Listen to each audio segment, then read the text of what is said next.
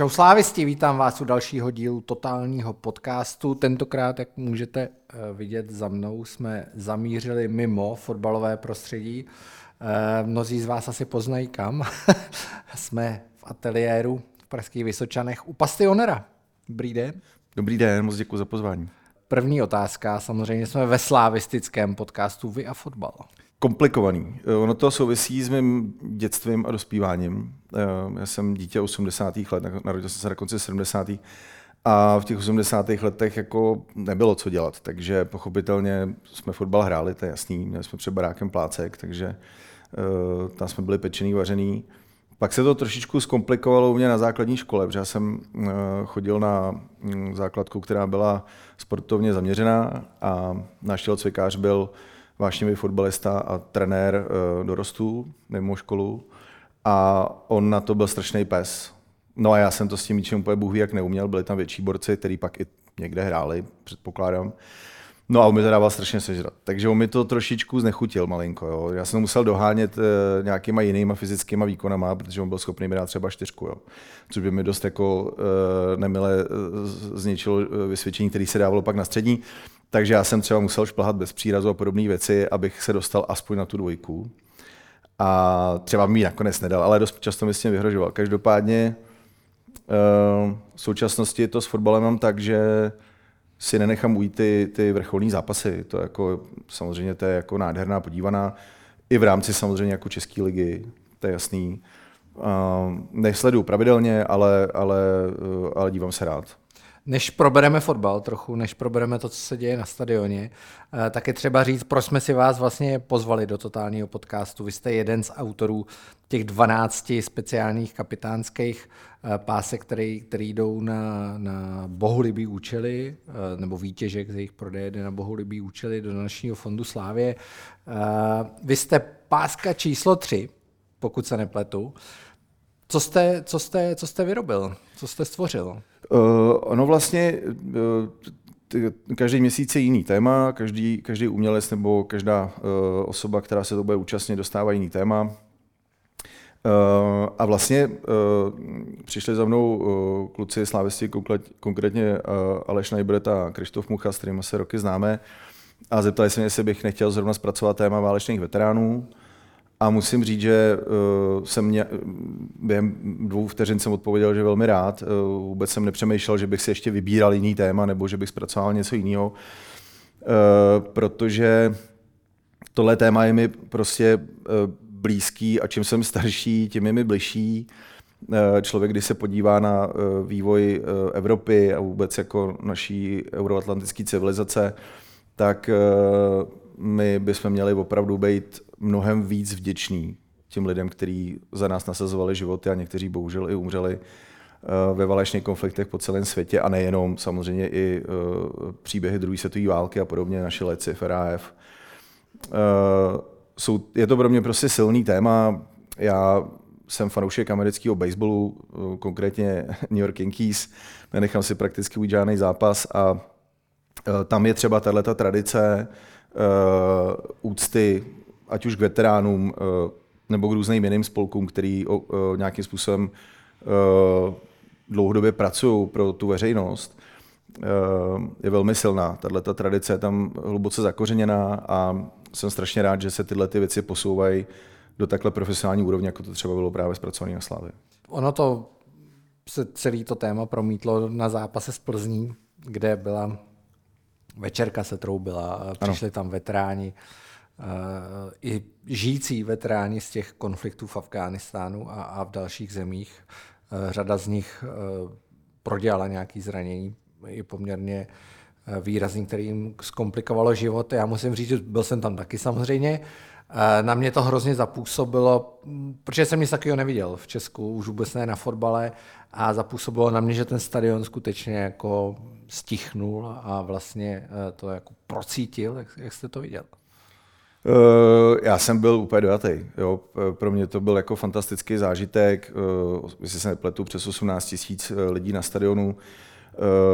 Bylo to fakt silný. Já říkám prostě, za mě ta možnost, že takhle silný fotbalový klub s takhle velkou fanouškovskou základnou vlastně tyhle ty témata jako zvedá a dostává do širšího povědomí lidí, je pro mě naprosto jako úžasná, jako fantastická. Samozřejmě koukají na to tisíce lidí v televizi. Je to něco, jo, ty, ty, ty dny veteránský, mm, mezinárodní svátek válečných veteránů a celý ten vlastně listopadový měsíc, kdy se to ve světě připomíná, to u nás můžeme vidět právě v podobě těch vlčích máků třeba na klopách, ať už politiků nebo lidí z veřejného života, ale upřímně po mý malý rešerši eh, musím říct, eh, že ne úplně každý ví, co to znamená. A ne úplně každý ví, že takovýhle svátek existuje a jak je důležitý si ho připomínat. Třeba Británie v eh, oslavách válečných veteránů jedna z velmocí, bych řekl. A myslím si, že by bylo dobrý, kdyby se to začalo, tohle téma jako rezonovat víc i u nás. Když jste mluvil o Krištofovi Muchovi, my jsme ho měli v totálním podcastu, tak to je Viděl samozřejmě to je správný fanatik v úvozovkách. uh, netlačí teď na vás, že musíte chodit na každý zápas, na výjezdy, takže teď už jste se vlastně tou kapitánskou páskou přihlásil ke Slávi a už, ani, ani, už, už to ne, nemůže být jinak ani nevíte, jak moc. Jo, jako od té doby, eh, co jsem to udělal, tak samozřejmě eh, jsem dostal celou řadu velmi milých zpráv. Teď to myslím samozřejmě ze srandy. Nepřišel žádný jako hate, ale eh, mám samozřejmě spoustu kamarádů, který fandějí třeba konkurenčním klubům a ty mi to v rámci jako kamarádství a humoru dávají hodně sežrat. I tady na Pragovce je vlastně vedení, který je, ortodoxně, bych řekl, fandící eh, nejkonkurenčnějšímu klubu pražskému. A hned první den vlastně po tom zápase z Plzní, když jsem sem přišel, tak jsem to měl na talíři, ale říkám, je to samozřejmě v rámci nějakého jako humoru a vlastně je to, je to sranda. Musím říct, že mm, všichni ty lidi, s kterými jsem se o tom bavil, ač to nejsou slavistický fanoušci, tak tu aktivitu, kterou Slávě jako v souvislosti s těma kapitánskými páskama eh, dělá, jako hrozně kvitujou. A myslím si, že by ty ostatní kluby si z toho něco měli vzít, vymyslet jiný koncept, jiný druh eh, aktivity, která by prostě víc do toho veřejného prostoru dostávala eh, témata, který souvisí se společenským životem a ten prostor, ten fotbal, ta, ta vášeň eh, tomu dává prostě velký hlas a myslím, že by to bylo fajn. Když jdete na fotbal, Uh, vidíte tam nějakou inspiraci pro tu svoji práci? Já teď nemyslím, nemyslím tu akci kolem uh, slavistických kapitánských pásek, ale obecně, protože když se podíváme kolem sebe, je to hodně Amerika, jsou to takový ty 50. léta uh, je to zlatý. Tak, no. Uh, to je trošku něco jiného. Tehdy fotbal úplně nefrčel, nebo soccer.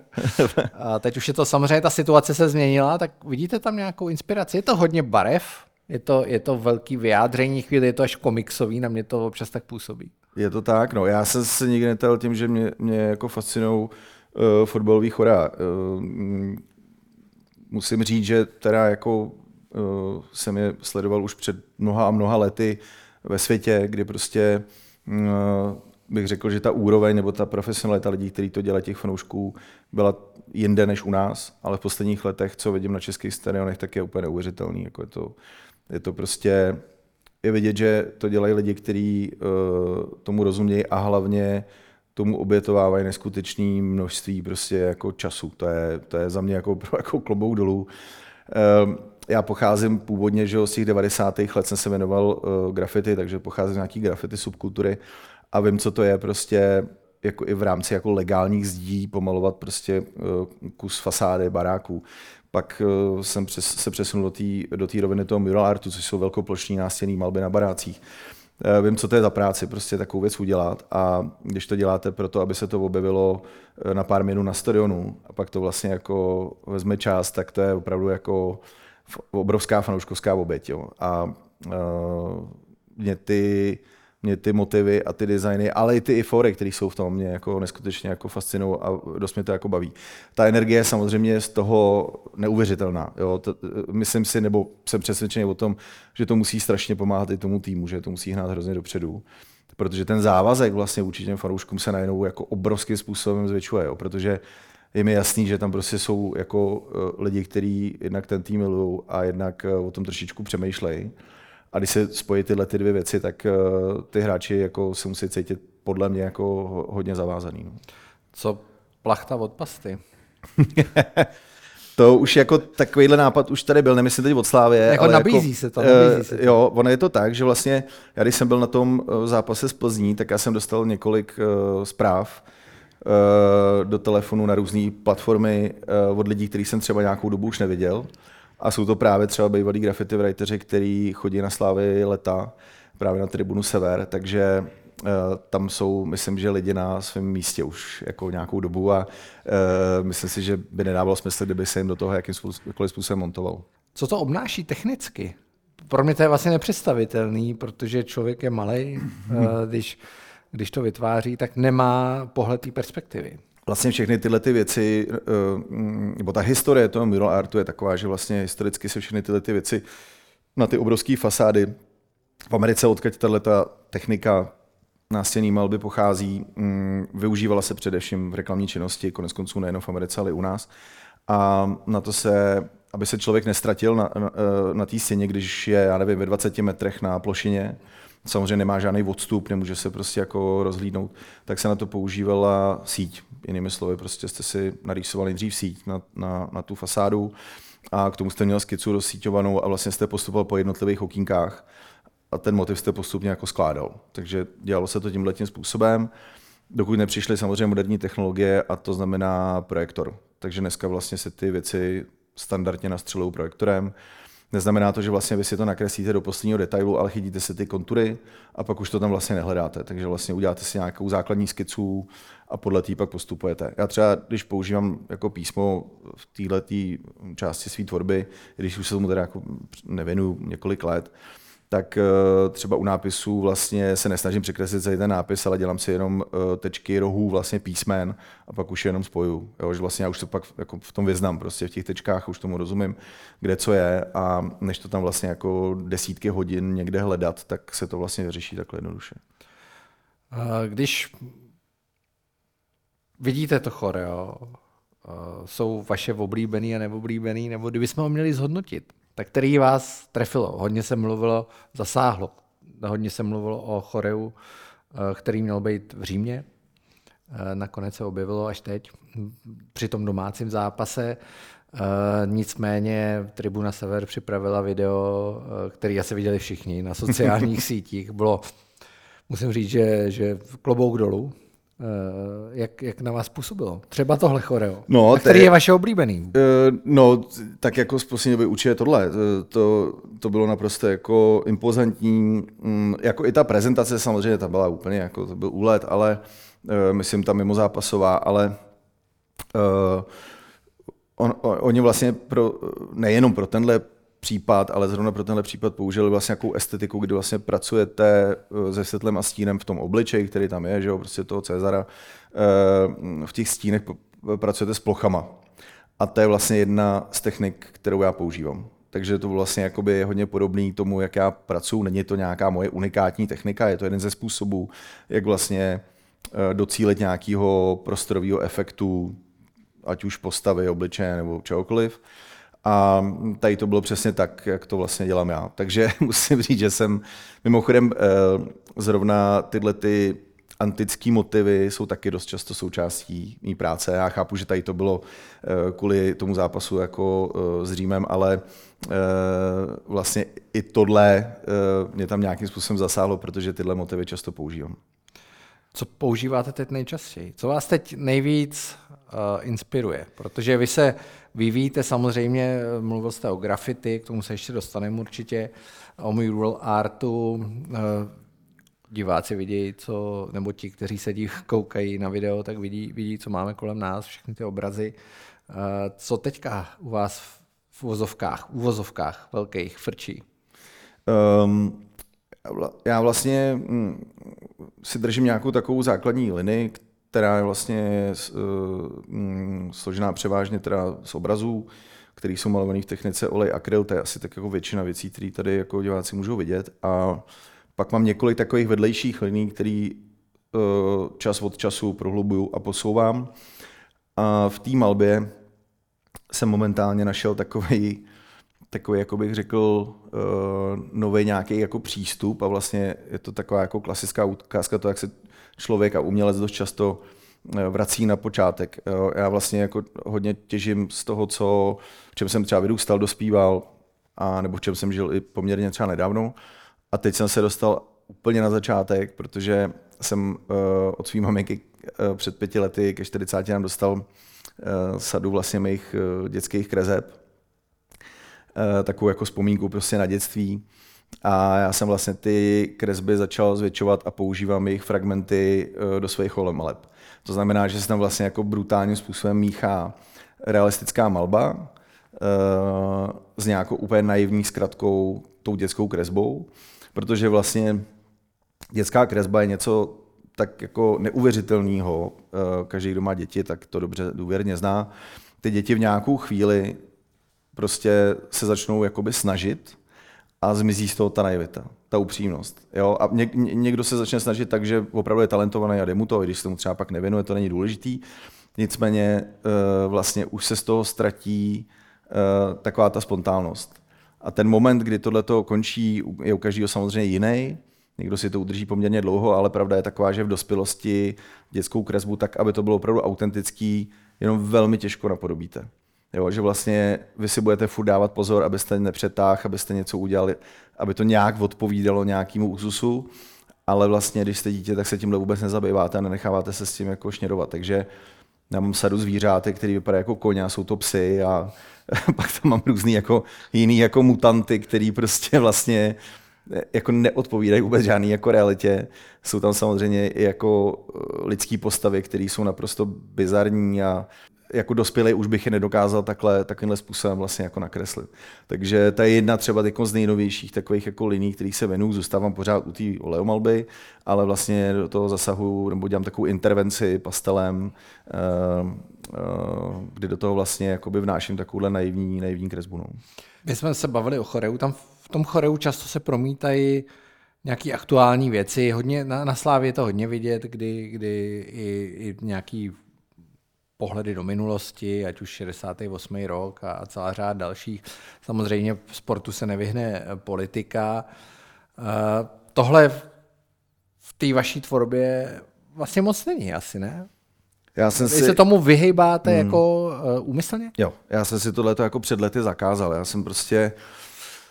Uh, to, já to vnímám takhle. Vlastně umělecký svět, nebo mm, ta, ta skupina prostě těch současných aktivních umělců je neskutečně pestrá. Jo. Jsou tam umělci od uh, politického spektra zleva až doprava. Uh, pochopitelně nejvíc je tam určitě jako nějakých uh, pravostředých liberálů, dejme tomu, to asi jako... Čím se Česko dost, dost speciální, mi občas a přijde. Určitě a myslím si, že to jako um, ta umělecká, nebo ty, ty umělci, pokud už jsou etablovaní, teď se nebavím třeba o studentech nebo lidech, kteří jako dokončují školu, tak uh, tam většinou to kopíruje prostě úplně běžnou jako populaci. Jo. Tam to není tak, že by to byli lidi, kteří uvažují úplně nějakým jako záhadně jiným jako způsobem. Jo. Každopádně každý ten umělec má nějaký svůj jako přístup, pohled na život, uh, respektive na, na život a na to svoje umění. A umění mimo jiné by mělo určitě bez zesporu má za úkol zbuzovat celou řadu jako těch jako palčivých společenských jako otázek, upozorňovat na ně, eh, nebo je nějakým způsobem jako zdvihat prostě do toho veřejného prostoru. A já jsem si nějakou chvíli jako řekl, že tohle jako úplně nechci dělat, že vlastně uh, lidi, kteří to umějí mnohem líp, nebo umělci, kteří to umějí mnohem líp, těch je tady jako dost. A uh, spíš se snažím diváka do toho děje nebo do toho svého umění vtáhnout jiným způsobem a to je přes uh, vlastně krásu. Jo, někdo to může nazývat kýčem, někdo to může nazývat líbivostí, v zásadě je to jedno, neuráží mě ani jedno z tohohle z toho a no, je to pro mě vlastně způsob, jak upozornit nebo jak, jak eh, toho diváka vlastně udržet pozornosti tak, aby se mohl třeba zabývat něčím, co je za tím příběhem. Co mě na tom baví, a uh, myslím, že to tomu odpovídá, vy, vy to nějak komentujte, až řeknu tu svoji myšlenku. Uh, ty vaše obrazy jsou tak speciální, výrazný, že vlastně, já když jsem přemýšlel o tom, že, že říkal jsem si, vlastně proč bych si nějaký obraz jako nepořídil časem, váš, a jsou dobrý, Děkuju logicky, moc, děkuju. ale říkal jsem si, uh, je to zvláštní tím, že vedle toho neobstojí žádný jiný obraz. Eh, je to tak výrazný, tak jiný, že když máte stěny plný obrazů, tak vlastně vy potřebujete bílou stěnu. Vy potřebujete na ten váš obraz prostě místo, aby tam vystoupil, protože se bude tlout s čímkoliv jiným. Eh, je to úmysl? Nebo to tak vyšlo? Ne, ne, ne, to vůbec. Já, úmysl to určitě není. Já, já jsem, já milu barvy, jo, jako milu pestrost. eh, Snažím se jí samozřejmě i určitým způsobem jakoby v sobě jako krotit a pracovat s tím, protože to je vlastně úkol taky umělce, že ho zvládat uh, nějaký svý jako polohy a, a, jako pocity. U mě je těžký přeskočit do nějakého minimalismu do, nebo do nějaké jako mm, jemnější linie, ale i to se mý tvorbě objevuje. Jo. Tady zrovna jak sedíme, tak tady nic takového úplně není, ale já mám třeba celou řadu děl, které jsou velmi, uh, uh, bych řekl, až jako monochromatický, velmi jako um, jednoduchý na ten pohled a nějak diváka zásadním způsobem nezatěžují, pokud nechce. Ale je pravda, že to větší část té tvorby je takhle výrazná, jak říkáte. Nicméně pod tím má každý samozřejmě zafixovanýho, ale já se věnuju samozřejmě i tvorbě celý řady jako objektů, uh, soch uh, a různých jiných technik. Ještě k tomu, jak to vyzní vedle uh, obrazů jiných umělců, my jsme teď třeba měli kolektivní výstavu naší skupiny, výtvarné skupiny Firma v Mánesu, a je nás jako sedm a každý máme svůj určitě nezaměnitelný výtvarný rukopis a jako neměl jsem pocit, že bych tam nějakým zásadním způsobem jako konkuroval svým kolegům nebo obráceně. Celá řada mých sběratelů uh, má uh, ve svých bytech nebo ve svých nemovitostech vystavenými díla uh, vedle děl jiných umělců. Dost často se třeba setkávám i s tím, že moje díla jsou vystavené mezi nebo vedle děl umělců z období, kterýmu říkáme moderní, což je jakoby předválečný, respektive dejme tomu do konce druhé světové války, s tím, že prostě to, co je, vidíme teď, je současné umění. To je jako jenom pro tu terminologii. Takže vlastně moje díla jsou kolikrát ve sbírkách vystavený třeba vedle Fily nebo dalších prostě jako veteránů českého výtvarného umění a nemyslím si, že by to nefungovalo. Ještě s tím, že vlastně já mám třeba takovou řadu jakoby, prací, které vlastně rámu do historických rámů, ne historizujících, ale opravdu jako historických. Dávám si práci s tím, že si scháním historický rámy, třeba i 100 let starý, ručně řezaný a podobně. A když je to vlastně adustovaný tímhle způsobem, tak už to do té kolekce třeba i toho moderního umění zapadá úplně skvěle. Uh, vy jste z generace, která je z mého pohledu velmi úspěšná, ať už se to vy, je to, je to Krištof teda samozřejmě ty velký jména. Já jsem si to uvědomil, když jsem byl na výstavě v Drážďanech, krásná, kdo se díváte, jděte do Drážďan na výstavu, která se jmenuje Všechnu moc imaginaci, kde vlastně se střetává přesně to, co jste říkal, ta moderní uh, tvorba, ať už je to Emil Fila, to a jen František Kupka, s tou současnou, uh, je tam i Krištof Kintra, je tam celá řada dalších. Říkal jsem si, my máme vlastně fantastickou generaci těch lidí v mém věku v podstatě, protože my jsme od sebe, myslím si, že dva roky. Vy jste o dva roky mladší teda, což je dobrý. Ale zároveň máme i tu, i tu jako úplně nejmladší, jo? tu vlastně o tu generaci nižší. A, ale když jsem to tam viděl, tak jsem si říkal, je divný, že já musím jít do Drážďan, abych to viděl, takovouhle výstavu, kde se střetávají ty generace. A je to možná trochu škoda, protože ti Češi dneska to nemají kde vidět moc. Tady no. ty, ty instituce, a teď já nechci jako jasně, nějakou kritiku institucí, ale úplně Ne, já mám, já mám úplně rozumím, kam míříte. No, tak uh, tuhle tu výstavu vlastně organizoval že pan Fight, bývalý ředitel Národní galerie, za jehož uh, ředitelování teda um, Národní galerie z mého pohledu se ubírala jako opravdu tím jako správným směrem. Uh, upřímně já jsem měl pocit, že ty změny uh, budou rychlejší. Ukázalo se, že ta organizace asi pravděpodobně, aspoň tak to vím z kuloáru, velmi zkostnatila a bylo velmi těžký uh, vlastně uh, během pár let otočit to kormidlo nějakým jiným směrem v současnosti je ta Národní galerie, a to zase musím předestřít, že to není jako nějaký jako způsob nějaký kritiky, ale musím zmínit, že se ubírá třeba zase víc způsobem nebo víc směrem toho současného konceptuálního umění. Takže pro, mm, bych řekl, masového diváka nebo prostě mm, běžného diváka, nebo jak jinak to nazvat, nebo ne úplně edukovaného, to není asi úplně jako druh umění, na který by pravidelně jako do té Národní galerie chodil. Eh, vypadává z toho z větší části ty tradiční média, jako je právě Malba. Uh, jo, jako je, je, ano, je, je to trošku smutný, že, že uh, takováhle přehlídka, opravdu jako špičková přehlídka českého umění je v Drážďanech a ne v Praze. Ale myslím si, že to už tak nějak k nám tady patří. No. Tohle prostě... Na druhou stranu, na druhou stranu, uh, tady je to důkazem, Bavil jsem se o tom se svými chorvatskými kamarádama a oni jsou z nás jako na větvi v úvozovkách, když říkají, vy jste stejně tak strašně kulturní národ. Eh, lidi, máme tady základní školy umění, máme tady, nebo základní umělecké školy, máme tady spousta lidí umí hrát na nástroje, eh, přesně malba. Bavíme se o tom, jestli to umění dostává dost prostoru, nebo ho vlastně nedostává.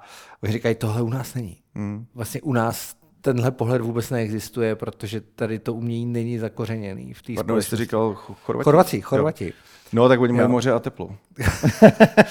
tak to bych, já, já bych neměnil. To je skoro, jako, ne, odpověd, nevím, to je, otázka, to je skoro no. jako odpověď na všechno. jako, Jasně, no, asi už se jim nechce nic dělat potom, ale zejména na jihu. Eh, cítíte to tak, že, že i ty podmínky, ve kterých jste vlastně vyrost, při začínal hmm, se z hmm. grafity, eh, kdyby to bylo kdekoliv, kromě Spojených států a několika dalších zemí, kdyby to bylo kdekoliv jinde, tak by to bylo mnohem těžší. Bez zesporu. Jako Mm, já si pamatuju ještě jako dítě samozřejmě, když naši rodiče uh, stáli prostě hodinové fronty přes, před knihkupectvím a čekali prostě na novou knížku, která vyjde. To je, myslím, třeba jeden z fenoménů, který tady za těch komunistů byl a uh, je to opravdu jako výjimečný v rámci jako Evropy. Uh, tenhle národ jako rád čte, jako rád chodí do divadla, rád chodí prostě na hudbu všeho druhu a Eh, to výtvarné umění k tomu vždycky patřilo, i když si myslím, že to byl takový ten jako nejchudší příbuzný všech těch uměleckých jako směrů nebo vyjádření, což se mění s tím, jak vlastně ta společnost uh, bohatne, ale nemyslím ve smyslu jenom toho ekonomického, ale obecně prostě, jak ta společnost se vyvíjí a, a posouvá, tak i to umění už se stalo jako, nebo dostalo do hledáčků uh, širší, jako bych řekl, populace. Uh, tady je vždycky taková filozofická otázka, jako jestli to umění vlastně eh, je tak důležitý jako pro to přežití jo, národa nebo vlastně jako lidského druhu. Myslím si, že historie mnohokrát ukázala, že nesmírně, jo, že vlastně uh, ta, ta, ta, ta jedna kostka v té stavebnici našich životů, uh, kultura, ať je to cokoliv, uh, je nesmírně důležitá a myslím si, že bez toho by ta společnost nefungovala. Nejde to změřit, nejde to spočítat, nejde to žádným způsobem kvantifikovat, ale jsem o tom jako bytostně přesvědčený. Navíc eh, kvalitně eh, nebo eh, nějakým způsobem to umělecký podhubí, když je, když je jako kvalitní a je opravdu jako široký, tak je důkazem i přítomnosti nějaký kvalitní demokracie. To v neposlední řadě. Tak Doufejme, že to tak je. Nicméně, já se vrátím maličko k tomu fotbalu a, a, a trochu i k té politice, protože si myslím, že my jsme se tady o tom bavili v minulém uh, totálním podcastu hodně s Alexandrem Vondrou, jestli politika patří do, do sportu. On říkal, že jednoznačně, jo, asi s tím nikdo nemá žádný problém.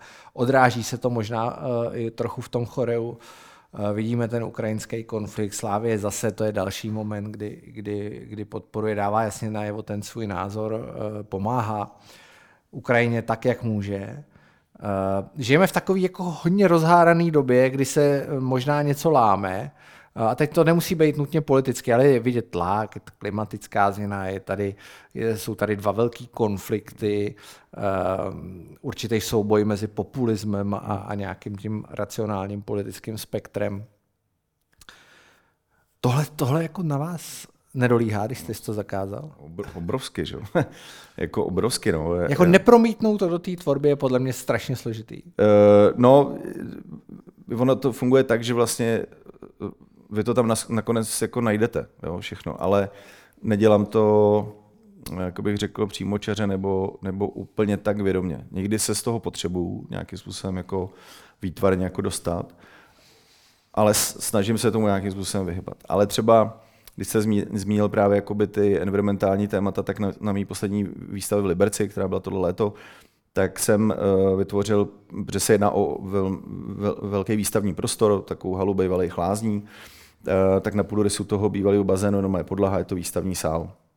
Po stěnách jsem měl klasické obrazy a uprostřed, uh, opravdu na jako stovkách metrech čtverečních, jsem vytvořil takovou Pracovně jsem to nazýval postapokalyptickou krajinu, to je jedno z mých velkých témat, upozorňování vlastně na to, jak se máme dobře jo, a jak je křehký vlastně o to přijít.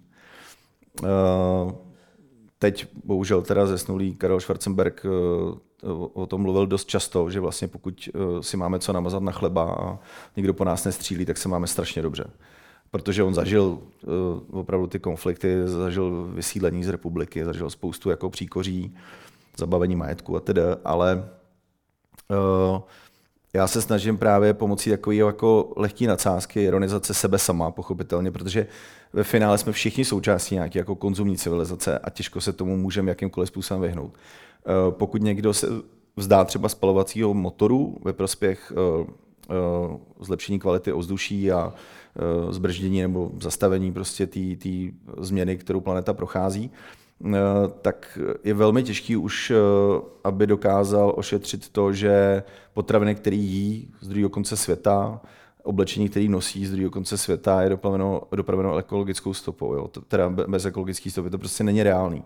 Takže je to velmi jako těžký a vím, že lidi, kteří se tím jako zabývají jako hloubše, přemýšlejí o tom, ty musí jako neskutečně jako trpět. Já si na druhou stranu myslím, že uh, bychom neměli zapomínat na to taky, že žijeme nějaký životy, že jsme tady relativně jakoby eh, na chvíli, nebo spíš jako na úplně jako mikrochvíli a že zapojit do toho bez zesporu nějakou zodpovědnost eh, pro budoucí jako lidstvo, eh, aby jsme jim nezanechali teda prostě jako opravdu jako vybydlenou planetu polomrtvou. To je všechno samozřejmě naprosto v pořádku, ale měli bychom jít nějakému koncenzu a ne se vzájemně jako překřikovat a vlastně se hrotit, kdo co, jak dělá špatně. Jo? Protože vlastně každý ten radikalismus, který jako přichází, šponuje tu druhou stranu a ta potom už třeba kolikrát není schopná vůbec žádného dialogu.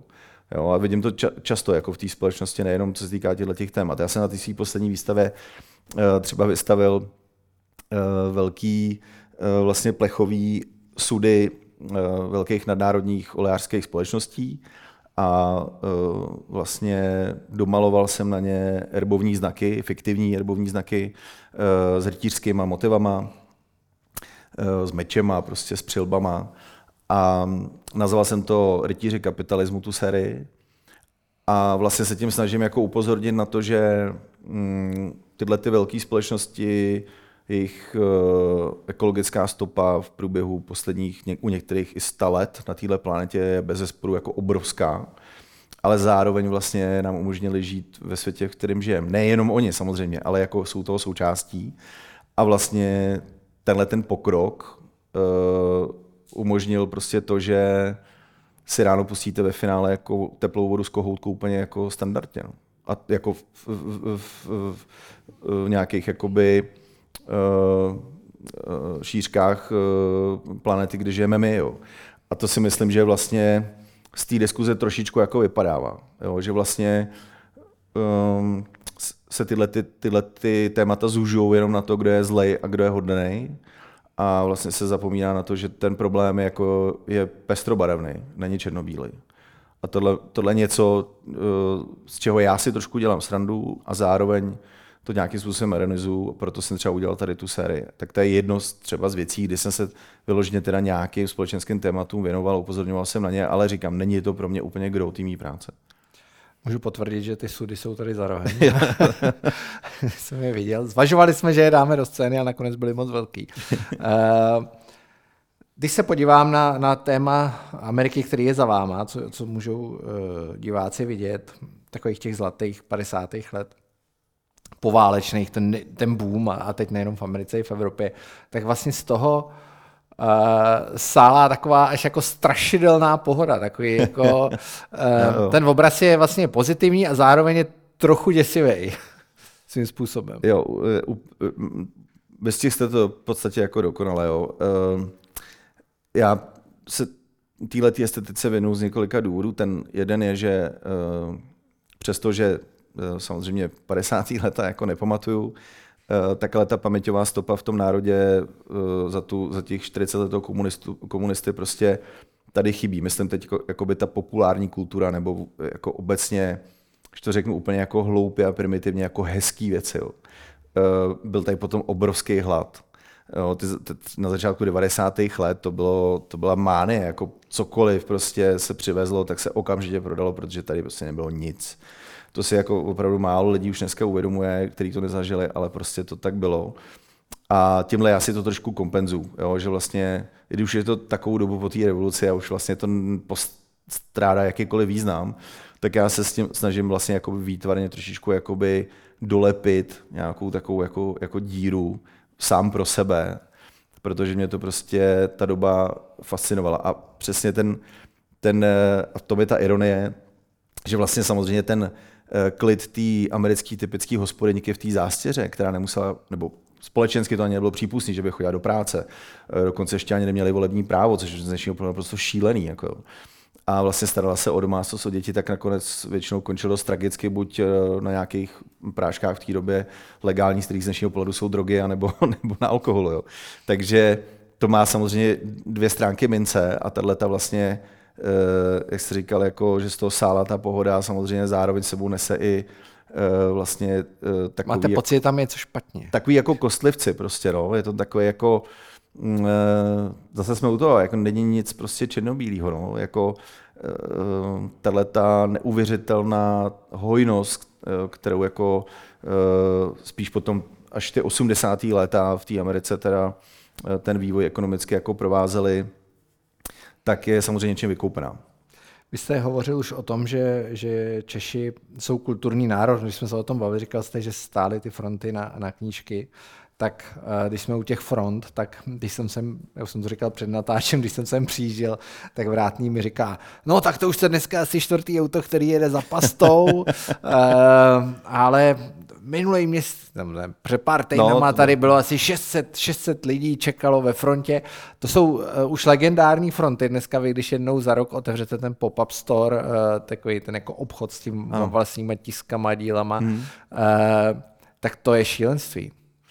Je, no. Jako obdivuju lidi, eh, že si tam na 12 hodin, to, to musí být velká odanost vašich fanoušků. Jo, já si to jako strašně vážím, jenom jako když mám tu možnost, tak bych rád řekl, že to vlastně celý uh, vzniklo organicky, jo. to vlastně nebyl žádný jako plán.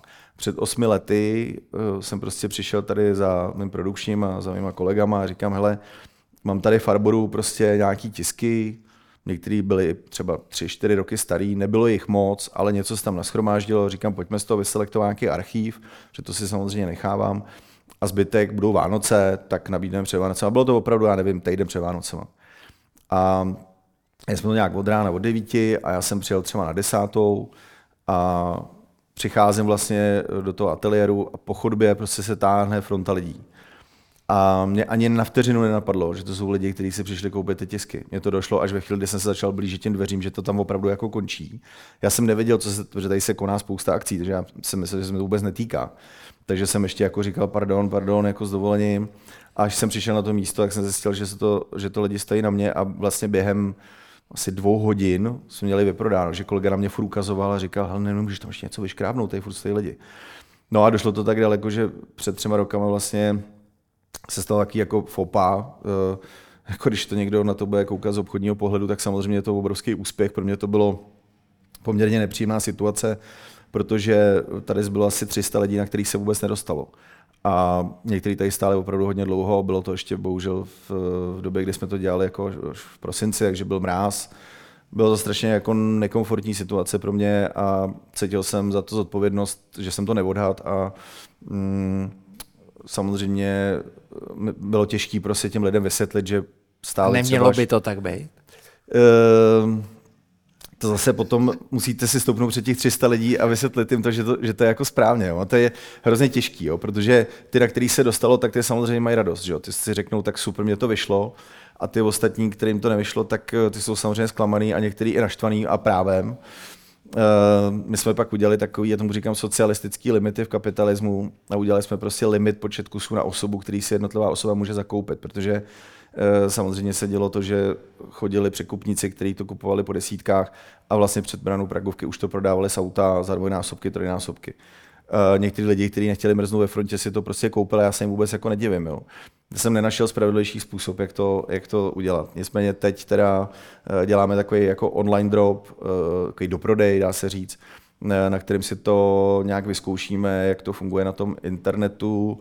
Doufám, že někoho nenapadne prostě tam nasadit nějaký roboty nebo něco podobného, protože třeba to se uh, leta dělo Martinovi Žufánkovi s jeho legendárníma flaškama alkoholu, a taky jsem musel nějak softwarově bránit. Jo. Takže doufám, že nic takového nenastane a že, to, že ty tisky se dostanou opravdu k lidem, kteří je chtějí mít doma na zdi. A tak vlastně to není špatná zpráva. jako, samozřejmě jako není, ale jste pod hrozným tlakem jo, ze všech stran. Jste mezi mlínskýma kamenama, protože někdo vám bude říkat, je toho moc, někdo vám říká, je toho málo, eh, já si chci koupit víc, ně, někomu to stačí, na někoho se nedostane. A je tam strašných příběhů. A jednoduše řečeno nemůžete se zavděčit všem a já se snažím jako roky, co jsme ten pop-up jako budovali, to vymyslet tak, aby byli vlastně všichni spokojení. A výsledku ale toho stejně nedocílíte.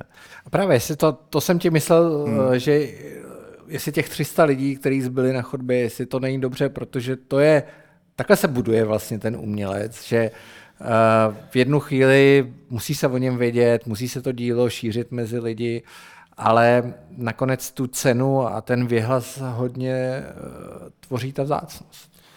Eh, bez zesporu. Eh, já mám takový jako hashtag, který používám pasta owner do každé rodiny a to vlastně mm, není žádný marketingový jako tah, nebo jak to říct. To je opravdu jako upřímně myšlený jako statement.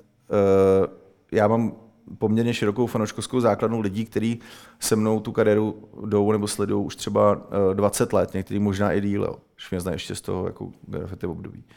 A uh, pochopitelně za, za takhle dlouhou kariéru se u každého umělce, který nějakým způsobem funguje ve veřejném prostoru je vidět, tak se stane to, že prostě ty díla začnou být nedostupný. Myslím teď plátna. A já jsem vždycky cítil, že jsou tady lidi, kteří by hrozně rádi ocenili, aby si něco ode mě pověsit doma mohli. A tyhle ty serigrafie byly prostě uh, jako ta cesta. Takže um, já se nesnažím, jasně, všechny ty grafiky jsou limitované, jsou číslované, není to žádný tisk z digitálu, tisknu to všechno to tiskem, proto opaku po jednotlivých barvách, je to fakt náročná technika, každý ten list projde jako mnoha deset, de, de, de, 20krát, 30krát prostě rukama a Uh, není to žádná jako masovka, není to žádná IKEA. I to, I to jsem se teda setkal s tím, že mě někdo z toho jako začal obvinovat. Je absurdní naprosto. Některé tisky jsou limitované na 50 kusů číslovaných, i když třeba je, ten motiv se opakuje, ale je to prostě se v jiném papíru, jiný barevnosti, bla, bla, bla.